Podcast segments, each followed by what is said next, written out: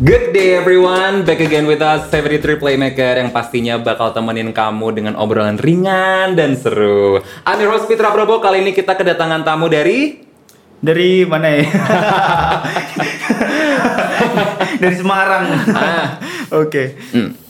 Eh, ya, aku di sini Timotius, biasa dipanggil Timo. Hmm. Eh, umur 20, ongoing 27. Eh, sekarang bekerja sebagai freelancer dan project yang lagi ongoing juga sedang mengerjakan animasi di Rans Animasia. Oh, Raffi Ahmad itu ya? Iya, benar. Oh, freelancer berarti uh, in a way remote worker berarti sekarang ya? Iya, Mm-mm. benar. Karena uh, kerja di mana aja nggak nggak pakai terikat waktu tuh emang Eh, semua orang pengen iya, ya. Iya. Menyenangkan. Ah, ah. Nggak bisa bisa bisa liburan sewaktu-waktu. Bisa liburan sewaktu-waktu, nggak perlu mikir deadline kan ya? Ya tetap Katanya mikir sih. deadline-nya. Deadline-nya tetap dipikir. Selain sama Rans udah pernah sama mana aja nih? Eh biasanya yang mungkin familiar aja kali ya. Eh, saya pernah kerja sama sama ini Bang Jateng, Mhm. terus pernah kerja sama sama Pelabuhan, Mhm. terus pernah kerja sama juga sama KBRI Hong Kong, KBRI Singapura. Oh, udah internasional ya? Iya, ya link apa perusahaannya pemerintah sih, tapi ada di luar negeri gitu aja. Kenapa sih memilih untuk jadi freelancer ketimbang apa namanya? apa pekerja kantoran gitu kali? Mungkin bukan pekerja kantoran kali ya, mungkin lebih affiliated ke company. Oke, Ah. oke. Ya, oh sebenarnya dulu saya adalah eh, terikat di salah satu production house. Mhm. Production house kalau teman-teman pendengar pada tahu eh, dulu ada acara minta tolong, ada acara bedah rumah, ada Hmm. acara ya pokoknya acara-acara yang itulah yang di RCTI, di SCTV itu. Aha. Dulu saya bekerja di production house-nya Mhm. yang create acara itu. Mhm. Nah, terus eh, satu waktu sudah ada di satu titik jenuh nih. Mhm. Aduh, kerja gini-gini mulu. eh, kerja dari pagi sampai malam sampai pagi lagi. Maksudnya rutinitasnya gini-gini mulu. Oh, udah kayak ngerasa perlu- terlalu loaded iya, gitu ya? perlu perlu riset nih, perlu Ah. ada yang perlu di riset nih gitu. Terus akhirnya eh, aku putusin buat oke, kayaknya udah cukup waktuku di sini udah Hmm. udah habis. Aku ajuin resign, terus akhirnya udah resign dan habis itu otomatis nggak punya kerjaan kan, nggak Mm-mm. punya kerjaan. Terus eh, berawal dari teman-teman minta tolong nih, Mhm. karena statusnya udah free, udah nggak terlalu banyak load kerjaan kantor. Mhm. teman-teman udah minta tolong "Eh, aku perlu bantuan nih editor gitu-gitu atau desainer grafis. Oke sini aku bantuin. Terus dari situ dibayar dibayar dibayar. Ternyata enak juga ya kerja kayak gini ya. Terus akhirnya eh, berkembang berkembang berkembang dan akhirnya sampai sekarang pun menikmati apa namanya eh, menikmati rasanya enaknya jadi pekerja lepas gitu. Eh, masih masih kepikiran buat aku pengen berafiliasi ke sini gitu mungkin? eh sementara belum. Sementara belum sementara ya? belum. Nggak tahu nanti kalau misalnya udah nikah atau atau punya tanggungan yang lain. Nikah. Nggak tahu. Nggak tahu. Nggak tahu. Oh, kepikiran lu kaji. oh iya. Apa sih freedom buat kamu? Oke. Hmm. wow. Ya That is something. sebenarnya eh, freedom, Hmm. freedom. Ya kalau buat aku secara pribadi ya, Mhm. maksudnya eh, freedom adalah ketika aku bisa mengekspresikan apa yang aku mau, Mhm. mengekspresikan apa yang mau aku mau, terus memilih apa yang mau aku pilih Mhm. dan yang nggak mau aku pilih juga bisa, aku bisa menentukan mana yang mau aku pilih, mana Mhm. yang nggak mau aku pilih gitu sih. Itu lebih ke kebebasan dalam berekspresi, dalam apa ya? eh ada sesuatu yang kayak kita kan punya idealis ya. Mhm. Nah, jadi kebebasan aku mengekspresikan idealismeku gitu. Mhm. Itu sih. That also applies to how you get things done pastinya ya. Iya, Kayak pasti. milih kerjaan mungkin Iya, salah bener. satunya Nah, atau mungkin dealing with client iya. gitu-gitu karena I'm a fellow Kayak freelancer. so I know how it feels. Iya benar benar benar. Jadi kayak di kliennya kayaknya nggak seru nih. Terus, Iya kan, Maaf, kayak pas, pas, pas, pas lagi pas pas kliennya lagi pitching terus eh, Oke, ini nggak sesuai. langsung banting meja nggak sih? Enggak dong. Enggak sih. Paling Eh, gebrak. Enggak, marah. Nggak boleh. Iya, tetap harus sopan Hmm. di depan klien. Eh, selama ini kan tadi udah udah udah apa namanya udah ngasih tahu ke kita kalau kalau pernah kerja di Rans Iya. sama di production house itu kan. Eh, selain berkutat di production house, mungkin kamu pernah kerja di field lain. Eh, selama masuk ke dunia profesional enggak Mm-hmm. sih. Ya seputaran itu, seputaran apa namanya? production house, Mm. seputaran kreatif industri gitu-gitu. Production house kamu eh videographer berarti ya? Iya, bisa bisa dibilang gitu. Nah, tapi saya lebih fokus ke aku lebih fokus ke pasca paskanya. Hmm, kan pasca produksi. kal- kal- kalau di sebuah produksi kan ada pra produksi dan paskanya. Pasca, Saya lebih banyak di paskanya. Hmm. Apa yang bikin kamu eh, apa yang bikin kamu pengen benar-benar menekuni itu sih? Suka sih, sesimpel itu sih. Mungkin kalau yang denger kayak klise, tapi Oh, eh, well. suka gitu. suka sih gitu tapi tapi emang benar-benar kayak apa ya eh, ada sesuatu yang ngebakar dari dalam gitu loh Hmm. waktu ngerjain misalnya eh, waktu ngedit video waktu Hmm. bikin desain waktu ngerjain pokoknya kerjaan-kerjaan yang selama ini aku kerjain itu Hmm. kayak ada sesuatu yang ngepush di saat aku capek tetap tetap seneng gitu Oke, it keeps burning Oh, every iya. time gitu Iya, ya. benar-benar benar Udah berapa lama sih jadi videographer, animator, graphic ya, designer? di bidang ini gitu ya. Mm. Sebenarnya mulai belajarnya itu dari sekitar tahun 2008. Itu Oh. benar-benar mulai mulai belajar, mulai tertarik, mulai mengenal, terus mulai masuk dunia profesional Mhm. sekitar tahun 2011 2012. Oh, udah lumayan Itu- lama ya. Iya, itu udah mulai istilahnya dibayar untuk Hmm. itu gitu. Oh, jadi awalnya mungkin dari hobi ya sih? Iya benar dari Ah. hobi, dari ketertarikan juga gitu. Aku mau tanya yang agak sensitif dikit Oke. boleh nggak? boleh, boleh, boleh. Kalau Tergantung soal- deh. Oh, kayak gimana. Oh, enggak enggak karena personal tenang aja. Kalau misalnya secara financial sendiri, gimana sih Ah. cara ngaturnya? Karena kan kamu um, let's say freelancer ya. iya. Pasti sehari kan bisa ngerjain uh, project bisa banyak lah dalam waktu Iya. sehari itu. Kan pasti in a way kamu as a freelancer berarti kamu juga harus jadi accountant to yourself. Iya benar, Ah, ah. benar, benar. Gimana tuh cara ngaturnya? Mungkin bisa berguna buat saya ya kan as a freelancer. Iya. eh, kalau saya punya prinsip hmm?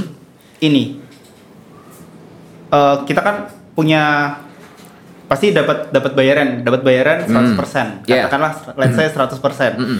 Itu 10% pasti aku alokasikan untuk kayak persembahan infak lah istilahnya. Oh, infak maksudnya infak. itu itu udah itu udah itu udah kewajiban. Hmm. Terus 10% 10% yang kedua, 10% yang kedua itu untuk eh, aku tabung Mhm. untuk aku tabung untuk investasi Mm-mm. untuk pokoknya eh, istilahnya ke depan lah ke depan mau kayak gimana gitu. Dan eh, yang 10% ketiga itu untuk jaga-jaga. Nanti ketika ketika kita jadi freelancer kita nggak punya penghasilan tetap nih. Iya. nanti kadang bisa ramai banget kadang, Kadang bisa bener-bener sepi nggak banget, ada, ah, ya bisa kan? bener-bener nggak ada Ah. untuk beberapa bulan. Nah ini untuk jaga-jaga masa-masa kayak gitu nah 70 persennya untuk dinikmatin untuk Hmm. foya-foya untuk untuk hidup hidup sehari-hari gitu untuk biaya macam-macam untuk Hmm. lifestyle macam-macam itu ada di 70 persen jadi ketika aku misalnya pengen suatu barang Mm-mm. pengen suatu barang eh, aku harus nggak bisa dari 70% ini nggak bisa beli barang tersebut ya udah aku sisihkan lagi dari 10 dari 70% ini untuk aku tabung lagi buat dapetin barang itu jadi Hmm. eh, kalau bisa sih nggak melebihi apa ya eh, nggak melebihi kekuatan lah Mhm. kalau beli sesuatu itu ya boleh dibilang sih lifestyleku boros sih terutama buat Sama. jajan terutama buat jajan itu sebagai orang yang ngekos yang hidup Ah. sendiri apalagi single gitu terus te- main ke mana ke mana ke mana ke kafe ke mana Ah. ya itu itu boros banget nah Hmm. tapi eh, beberapa tahun belakangan ini aku mulai digampar gitu Karena Mulai COVID kemarin nggak sih? iya bener juga itu Karena juga COVID kemarin termasuk. jadi ini ini berarti ngalam, pernah ngalamin yang ini ya. em, pas awal-awal lockdown berarti. Heeh. Kita punya Iya. kerjaan freelance terus tiba-tiba Heeh, semuanya Langsung hilang. zero. Gitu. Iya, semuanya hilang. Iya kan? Semuanya hilang. Nah, tapi kebetulan juga eh, di masa Covid dapat project yang bisa berkelanjutan yang Hmm, pentingnya runs sustain itu, ya. eh, Heeh. itu berkelanjutan terus. Jadi ya lumayan lah. Cuman di situ belajar banget tentang gimana kita bisa memanage uang dengan baik itu Mhm. penting banget, penting banget. Apalagi ketika kita mau nyebur di dunia freelancing gitu. Karena ya sekali lagi kita nggak bisa mengharapkan uang yang ada terus setiap Iya, bulan. apalagi Nggak freelance bisa. tuh. Iya, Ah. uh, nggak bisa. Kalau misalnya kita dapat project yang setiap bulan dapat gaji gitu, misalnya dapat pemasukan itu ya istilahnya bonus lah ya. Tapi Hmm. nggak selalu akan ada project yang kayak gitu. Harus lawan ada antisipasi. Iya harus ada antisipasi gitu. Betul tadi kan kamu eh, bilang apa namanya em, kerja sama Rans nih. Ha-ha. Berarti kamu constantly ada di Jakarta dong atau gimana? Enggak, enggak. Oh, Eh, kerjanya kerja- remote? Kerjanya remote dari dari Semarang. Kebetulan mereka bikin studio di Semarang Mhm. dan eh, aku banyak koordinasinya ke studio yang di Semarang. Oh, Jadi nggak oke. perlu nggak perlu ke Jakarta. Ya walaupun tetap ada komunikasi sama Jakarta, Mhm. tapi eh, lebih banyak apa ya namanya ya komunikasinya antara aku sama studio yang di Semarang. Mm-mm. Gini, ka- kan kamu sekarang berarti nggak cuma kerja sama Rans dong? Mm-mm. Iya, ada beberapa project lain yang kamu Iya. kerjain juga. Iya. Aku pengen tahu dong time managementmu gimana. Oke, ini PR banget. Let's give us a tip.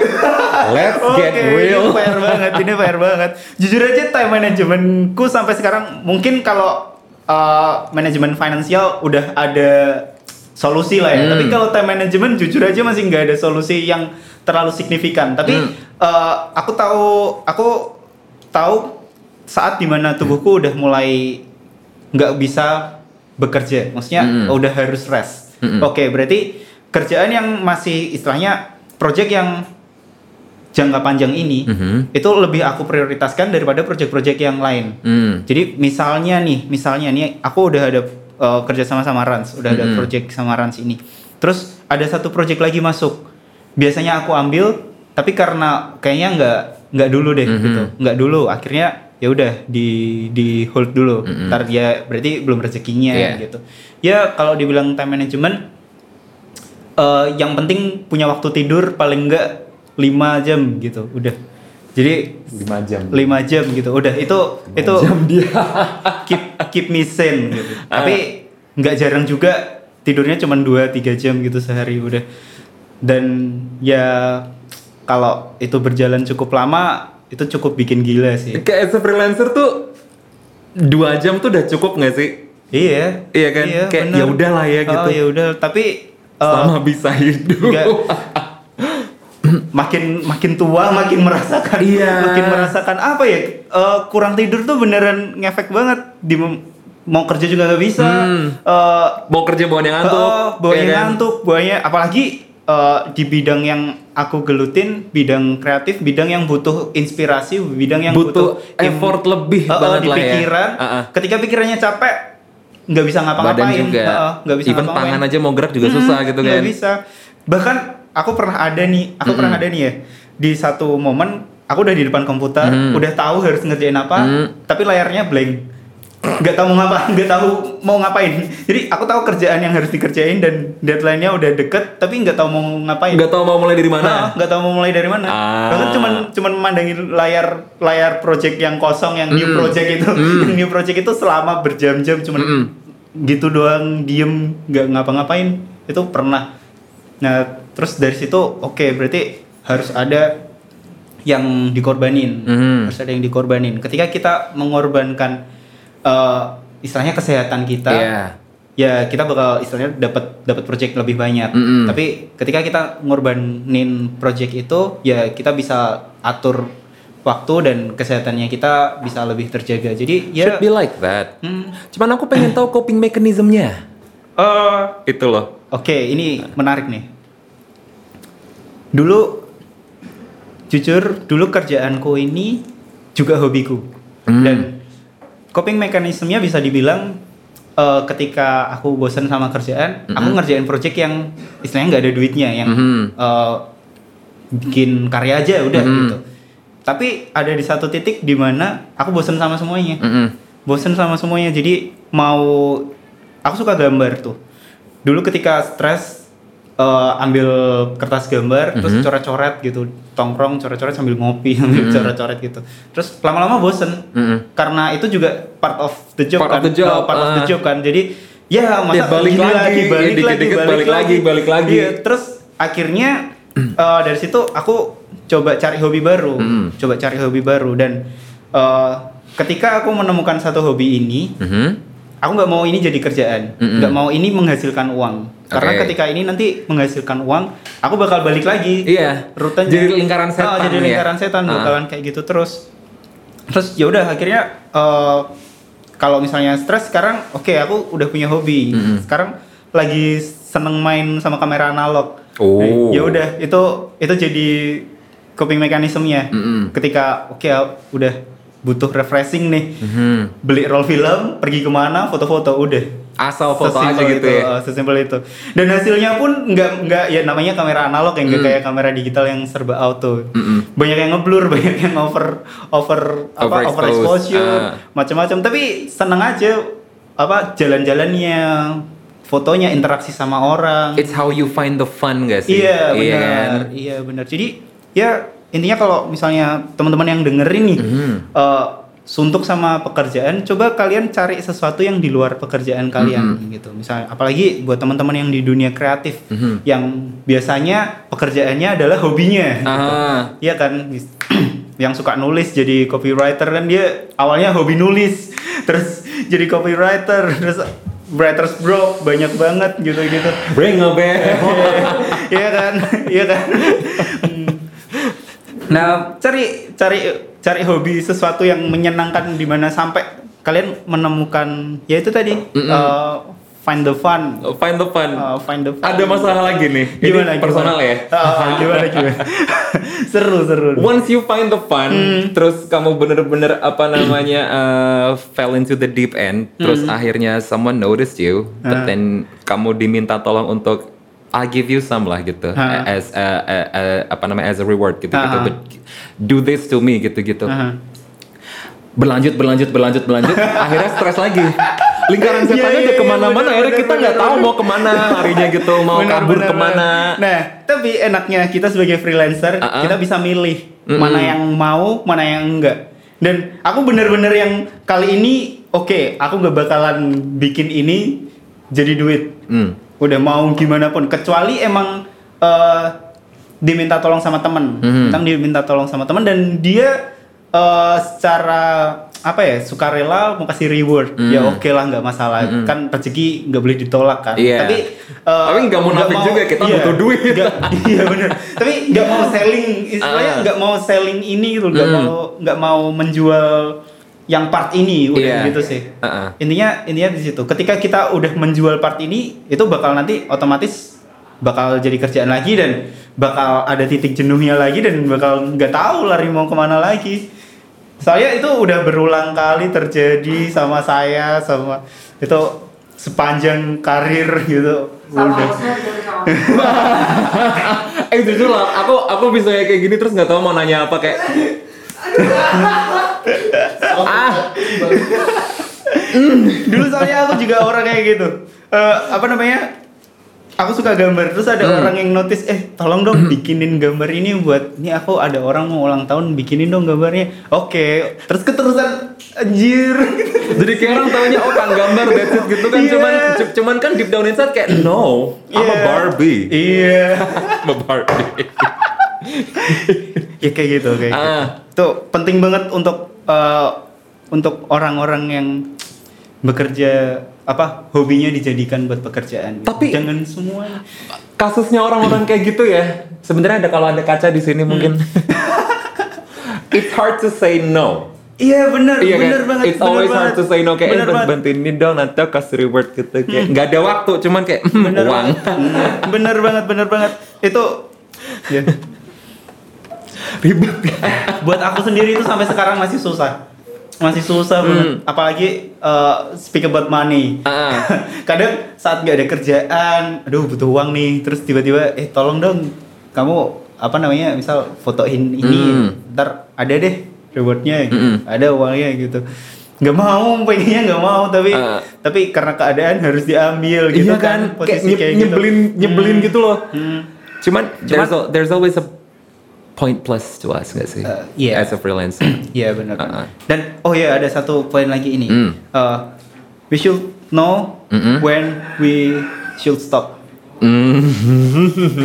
Jangan jangan eh, apa ya ya itu itu apa yang aku pelajarin sih Ah. jadi ketika oke lah sekali dua kali kita Hmm. bantuin temen temen baik gitu sekali dua kali kita kita okein Hmm. tapi ya kita harus tahu kapan kita harus berhenti Hmm. Hmm. karena itu bukan itu buat aku buat aku hobi aku bukan sesuatu yang buat dijual gitu gitu itu jadi prinsip sih sekarang sih gitu Itu beramal lah ya pokoknya. iya benar benar nah aku aku pernah punya cerita kayak gini jadi Mhm. pernah ada satu teman aku teman deket bilang aku tolong bikinin gambar dong Mhm. itu di saat aku nggak mau gambar buat dijual Ah. nggak mau gambar buat dijual Ah. tolong bikinin aku gambar dong gitu pertama aku nolak Eh, wah nggak mau apa nggak bisa aku Hmm. nggak bisa kalau gambar nggak bisa alasannya nggak bisa di Hmm. deadline nggak bisa takutnya nanti pas nggak mood terus gambarnya udah harus jadi belum jadi nggak Hmm. bisa gitu itu alasan aja sih awalnya Aha. Sekali dua kali tiga kali terpaan ya Hmm. terpaan terpaan bujukan teman terhadap ya pokoknya ada terpaannya Hmm. gitu terus akhirnya oke mau oke lah nggak apa-apa gitu Hmm. terus kamu biasanya bayarnya berapa Itu. Itu. itu Itu. nah di sini oh oke aku nggak mau aku nggak mau jual gambarku nah aku bilang sama dia aku bilang sama dia oke nggak apa-apa Eh, aku bantuin kamu gambar tapi aku nggak mau kasih harga. Mm. aku nggak mau kasih harga terus apa namanya aku nggak mau kasih rekening ke kamu. Hmm. pokoknya ini aku pure aku mau buat sesuai dengan apa yang aku mau sesuai dengan eh, maksudnya mood aku. Tapi aku pastiin kamu bakal eh, senang sama hasilnya. Mm. gitu. Terus pada akhirnya dia tetap maksa. Tanya Hmm. rekeningmu berapa? Rekeningmu kalau aku- aku berapa? langsung research rekeningmu berapa? Gitu. Harga VO talent. Terus? Harga sound engineer. nah nah oke oke Iya nah. Iya iya nggak? Selama bisa diduitin kenapa enggak? Nah, tapi tapi tapi karena kalau kayak gitu nanti bakal keterusan, bawaannya bakal keterusan. Oke, aku udah tahu harganya. Emang. Aku udah tahu harganya. aku udah tahu harganya dan wow, ini lumayan harganya. tapi eh, akhirnya aku mutusin buat eh, oke, aku kasih rekening tapi aku tetap gak mau kasih harga. Mm-mm. Kamu terserah mau kasih aku berapa. Hmm. Dia kasih Tapi beberapa orang ada yang gini gak sih? Eh, kasih harganya lah. Aku nggak tahu mau mau mau bayar berapa gini gini Iya. gini. Oh, deh, oh ya udah tunggu tunggu aja. Harga voice Iya ada, iya dia dia tanya kayak gitu Harga terus. company dia dia tanya kayak gitu terus, dia tanya kayak gitu terus dan aku tetap gak mau kasih. Hmm. Dan aku tetap gak mau kasih. Terus eh apa namanya? Ini akhirnya dia kasih Ah, ah. dan itu wah kok banyak ya ternyata ya. Iya kan? Iya kan? ya ternyata ya. Mungkin dia yang riset. dia tapi, riset. tapi malesnya gini kalau misalnya kita dikasih tahu kok oh banyak Iya, juga di- ternyata habis ah, dari sini tapi banyak terus juga. nanya nanya sama orang-orang ini yang di sekitar gitu eh kamu misal nih kamu VO talent berapa sih eh, let's say uh, for for five minutes gitu oh aku Ah. cuma segini kok Ah. pas ternyata tahu mereka nyelip berenda terus kayak Hmm. Bisa lebih gitu. nah iya kan Iya. Nah. Iya. masuk lingkaran setan karena apa nah ini- harga di ekosistemnya jadi rusak Iya, ini ini awal ini awal dari ini awal aku jadi menjual gambarku. hmm. Nah, dari situ aku puter balik ke situ. Oke, berarti sampai sekarang emang aku harus benar-benar eh, stay sama apa yang aku pegang. Hmm. Apa yang jadi prinsipku. Aku nggak mau jual kayak tadi katakan let's say foto, fotografi. Aku nggak mau jual hobiku foto, nggak mau Hmm. aku jual. Oke, mau gimana pun nggak bakalan aku jual Hmm. Gitu sih. Jadi apa ya ya eh, balik lagi ke diri kita sih. Hmm. ke diri kita sih. Kita sekali lagi kita harus tahu kapan harus berhenti menjual gitu. Itu. Itu. Karena karena apa ya? Apa ya? Eh, aku percaya ini aku percaya ini. Nggak tahu ini klise apa enggak tapi aku percaya kita punya banyak keran kok Hmm. satu keran ditutup nggak masalah masih ada keran yang lain Hmm. asalkan satu keran ini punya produk air yang berkualitas buat aku Hmm. yang bisa nyegerin aku jadi istilahnya nih aku punya lima keran Mm-mm. punya lima keran satu keran ini aku jaga Mhm. kualitasnya aku jaga kualitasnya aku jaga kemurnian airnya Mm. yang lainnya aku bagi-bagiin ke orang aku Mm. jual-jual terserah orang Mm. ya or yang penting orang suka Mm-mm. nah ketika aku haus aku nggak mungkin kan ambil dari keran yang udah tak jual ke orang lain Pasti karena aku nggak peduli itu. sama itu aku ambil dari yang satu ini Ah, ah. itu aja sih logikanya Oh. dan aku nggak bakalan membuat istilahnya keran ini terkontaminasi sama cairan-cairan yang lain gitu jadi ya istilahnya What a gitu. nice word.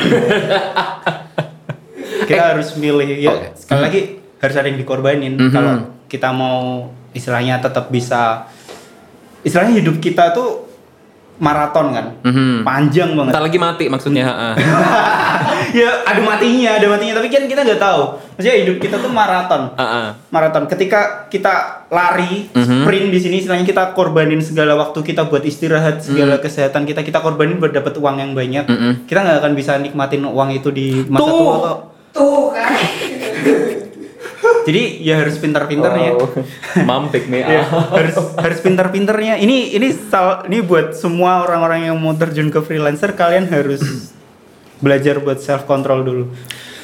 Itu uangnya uang tuh bisa datang dari mana aja ketika kamu nolak satu U- kerjaan uang tuh itu racun. percaya percaya nanti akan ada satu kerjaan lagi yang emang itu rezekimu dan Hmm. itu bakal kamu dapetin kok nggak perlu Hmm. berjuang dan aku ngebuktiin sendiri aku ngebuktiin sendiri ini benar-benar nih aku pernah punya cerita aku pitching Hmm. aku pitching Males banget sumpah pitching. Pitching. Kalau udah perlu pitching pitchingan tuh. aku pitching ke klien ke klien tentang budgeting tentang Ah. macam-macam nggak ada yang pernah tembus di saat aku Oh. diem doang Ah. ya ada sih yang tembus Ah. ada sih yang tembus tapi dari 10 pitching paling yang tembus cuman 4 3 gitu Mhm. nah tapi di saat aku diem Mhm. di saat aku nggak ngapa-ngapain Malah di approach gak sih? malah dia approach Ah. malah dia approach Iya. Ah. dan itu di saat uh, apa ya maksudnya nggak perlu istilahnya nggak perlu ngoyo buat cari Hmm. kerjaan kerjaan tuh sebenarnya datang sendiri kok Mhm. Kayak semua tadi klien-klien yang pernah aku bilang KBRI Mm-mm. pelabuhan terus apa Bank Jateng pokoknya klien-klien yang tanda kutip banyak dicari sama freelance freelance di bidangku Mhm. itu malah datang sendiri ke aku Mm. kayak ada temanku dia jadi sutradaranya dia yang ngelit projectnya dia kontak "Eh, aku butuh editor nih kamu Mm. bisa nggak kamu kosong nggak oke angkat gitu Berarti in a way making a name to ourselves itu should happen naturally. yep Hmm. yep Makanya buat para freelancer yang loyo ya, yang suka maksa, yang suka ngejatuhin orang lain, mending mati. Makasih. gak perlu gak perlu gak perlu semua semua udah ada bagiannya kalau emang nggak project itu nggak kita dapat orang lain yang dapat ya udah maksudnya emang itu jatahnya dia Oh kalau Andrew sih nggak terima. kalau Andrew sih nggak terima. ya ya bagus sih itu untuk bisnis bagus untuk mengembangkan bisnis bagus tapi as a person as a uh, freelancer Hashtag jangan tamat. iya jangan tamat Hashtag jangan nyolong. Aduh. balik lagi kalau misal mungkin Mas Andrew punya tanggungan ya harus bayar karyawan harus bayar apa. itu beda lagi itu Makanya. beda lagi My itu. Iya, itu itu itu apa namanya? Itu uh, case khusus lah. Soalnya Hmm. ada tanggungan yang harus dipenuhi. Itu itu udah dalam taraf bisnis. Tapi kalau Hmm. sebagai personal freelancer santai aja sih. Santai aja. Aku mau nanya nih, as a fellow freelancer ya, Hmm. eh, kita ber- beker- kita bekerja di bidang yang berbeda sebenarnya kan. Nah, Em, pernah nggak sih? Aduh, nanya nggak enak lagi. eh, gimana gimana? Personal banget gitu gitu. Em, kan personal ya, Iya. Eh, kerjanya personal gitu kayak misalnya di kompetitor orang lain gitu, Hmm. terus dia tiba-tiba kayak talk shit behind our back, behind our clients gitu. Pernah nggak sih ngalamin kayak gitu? Aku sih pernah, makanya aku tanya. Pernah sih. hmm. Pernah.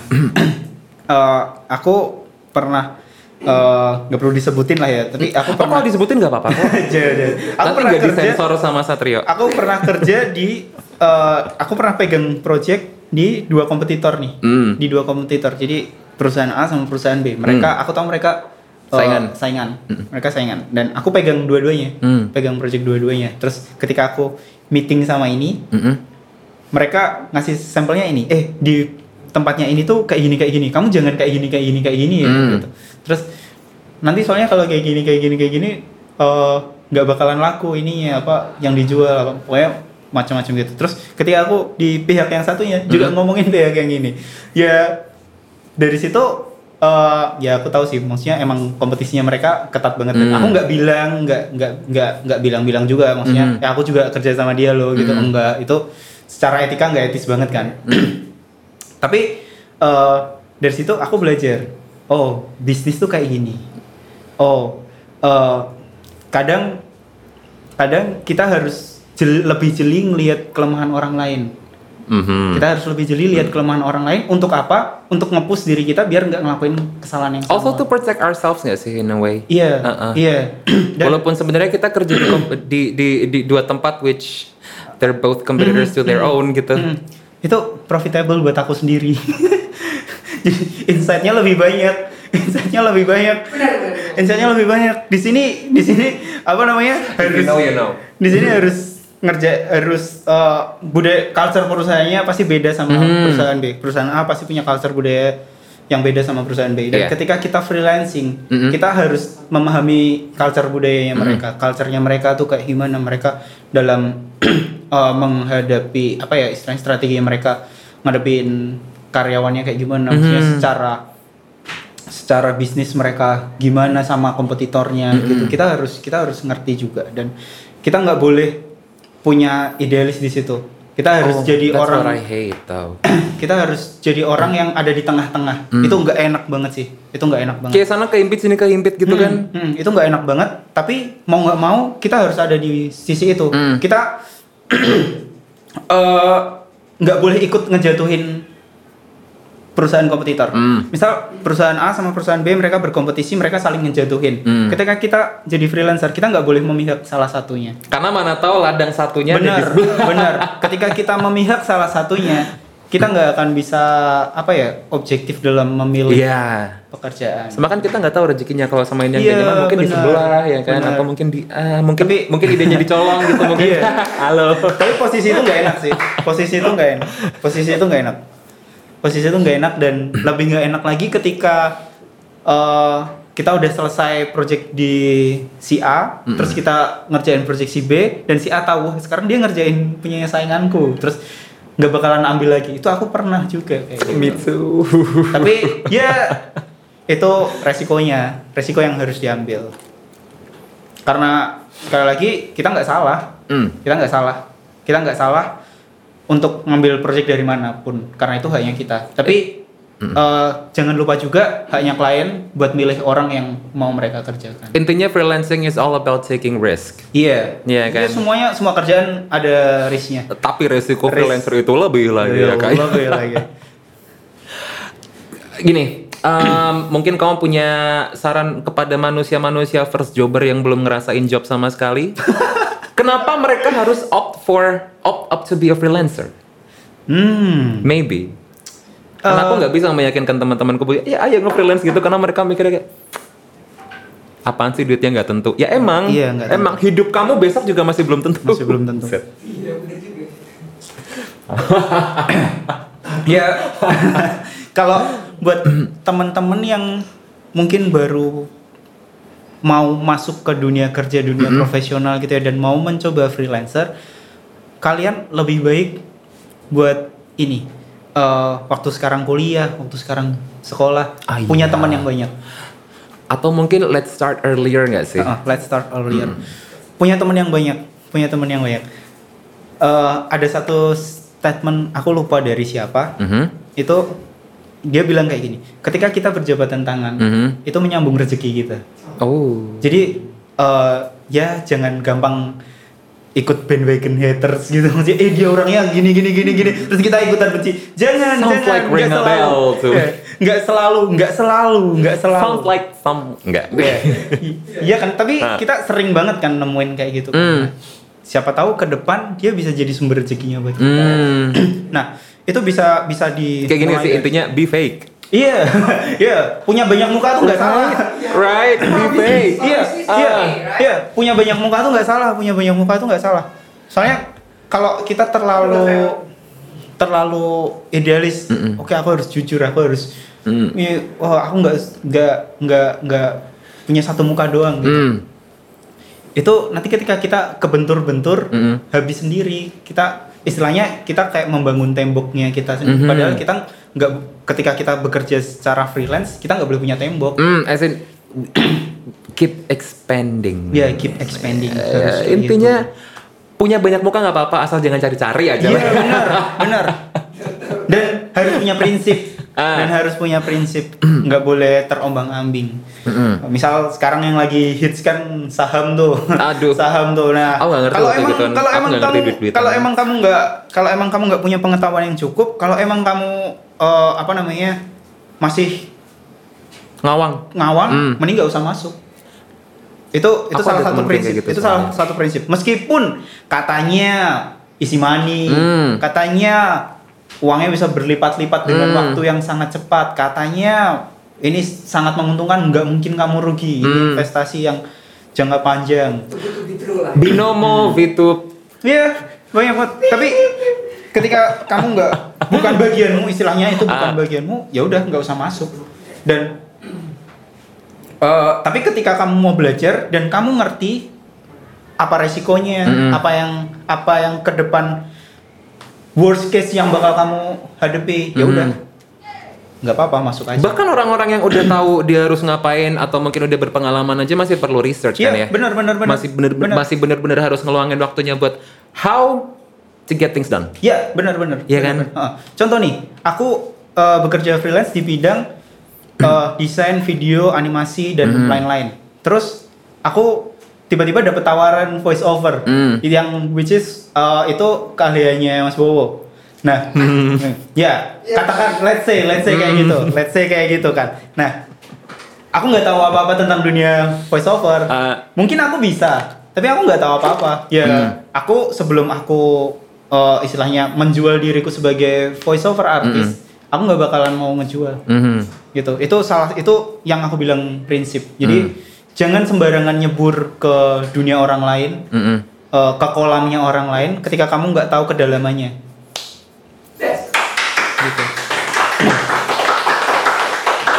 Soalnya soalnya kita nggak tahu kemampuannya kita di sana. Hmm. Siapa tahu eh, kita biasa nih renangnya di danau. Mhm.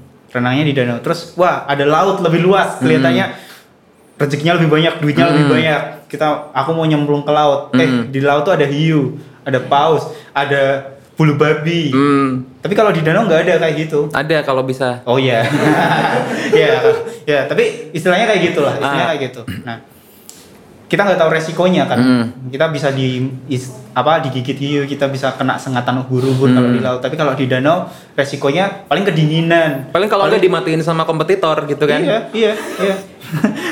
ya, itu Ya. dunia itu kejam sih. Makanya buat yang mau jadi freelancer nggak usah. Enggak sih. Mending nggak usah sama sekali. Seriusku.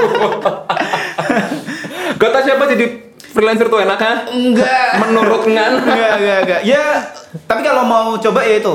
Kalian istilahnya harus bangun pertama bangun koneksi Hmm. dari awal, dari awal. Itu harus bangun koneksi itu penting banget buat Hmm. seorang freelancer.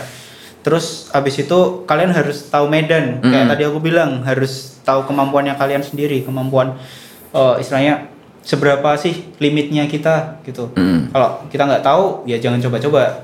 Terus kalian harus siap sama jatuh miskin tiba-tiba. Ah. itu Iya. itu karena kita nggak tahu keadaannya bakal kayak gimana kita nggak akan tahu mungkin sekarang kita punya tabungan satu miliar besok udah habis gitu kita nggak tahu Ngapain satu miliar ya besok? siapa tahu kan siapa tahu kita judi bola kalah gitu kan nggak ada yang tahu Sounds like ya nggak not ada nggak ada yang tahu nggak ada yang tahu kok eh, se ekstrim itu tapi Mm. nggak ada yang tahu nah Mm. kita harus siap sama keadaan-keadaan yang kayak gitu dan Mm. kita harus eh, udah tahu istilahnya pelampungnya kita tuh Mm. apa kita harus tahu tapi kalau misalnya teman-teman belum punya pengalaman belum punya koneksi dan belum bisa mengukur diri sendiri mending ikut company dulu Iya.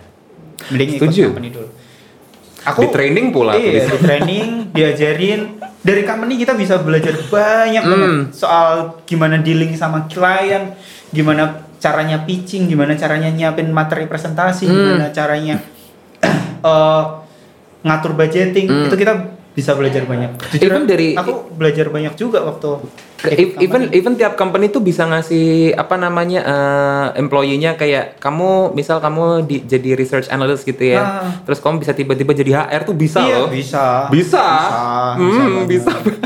bisa banget serandom itu kalau di company kan. Serandom itu emang. Ketawa, dia ketawa. Lulusan apa, bisa apa itu bisa banget. Ini mungkin pengalaman pribadi banget. Iya, sebenarnya makanya buat kamu yang mau jadi freelancer mending gak usah, mending stop atau misalnya kamu yang mungkin mau le- lebih baik emang di company sih menurut. Oh iya. Enggak karena emang personal aja sih. Oh, personal. karena emang personal Ki- ki- kita sudah merasakan asam garam dunia freelance. Udah ngerasain gimana caranya jatuhin sama klien. Dijatuhin klien loh, bukan dijatuhin sama kompetitor loh. Iya. Udah udah tahu rasanya gimana ide dicuri sama klien. Tiba-tiba tiba-tiba ini, tiba-tiba pasarnya rusak. Aduh. Ya aku belum ngerasain jangan sampai ya Allah. tiba-tiba pasarnya rusak. Tiba-tiba pasarnya rusak gitu. Terus cuman, tiba-tiba di- cuman ya udah pasar yang sudah rusak dirusak sekalian gitu. Emang better kayak gitu nggak sih? Enggak, enggak. Tapi ah, Better kayak gitu nggak sih? As in daripada daripada pasarnya udah rusak terus mau di revive akhirnya malah ya malah ketulo-tulo kalau Iya. Bilang. Tapi kasihan kasihan yang eh, emang dia iya. udah udah terjun di situ. Cuman ini, eh, ini kenapa dari awal aku bilang, aku tekanin kalau ketika kita masuk dunia freelancer kita harus kuat banget koneksinya. Hmm, harus. Ketika pasarnya rusak, kita punya koneksi yang kuat, penghasilan kita nggak bakal Pasti ada backup nggak? Pasti ada sih? backup. Iya kan? Ada orang-orang yang menghargai talentnya kita. Hmm. Ada orang-orang yang menghargai effortnya kita. Hmm. Walaupun kadang kita harus terjun ke pasar yang rusak itu untuk mengais receh, mengais rezeki. Tapi Ah. istilahnya kita punya pegangan orang-orang yang oke kita udah tahu harganya, kita udah tahu gimana sistem perjanjiannya, Mhm. kita udah tahu satu sama lain antara aku sama klien, antara klien sama aku udah tahu satu sama lain. Pasti proyeknya balik terus. Hmm. Harus apa apa di, diukur sendiri nggak sih? Jadi Hmm. orang kalau misalnya mau freelancer tuh paling nggak dia tahu kalau dia multi talented that's it. Kalau misalnya nggak mending Iya. nggak usah. Ya, harus dan harus ini, harus mau belajar. Hmm. Harus mau belajar. Karena kita jadi HR kita sendiri, kita jadi bos kita sendiri, kita jadi employee Hmm. Kita, kita sendiri. sendiri. Tentu kan. Hmm. Sebelum aku ditampar lagi ya kan ya. Anak-anak 73 Saling saling menampar ya. Mungkin lebih baik kita tutup. By the way, thank you udah dengerin 73 Playmaker uh, podcast kolaborasi dari 73 Playground. Sebelum aku ditambah lagi, bye. I'm Fitra Prabowo, your host signing out. Bye bye.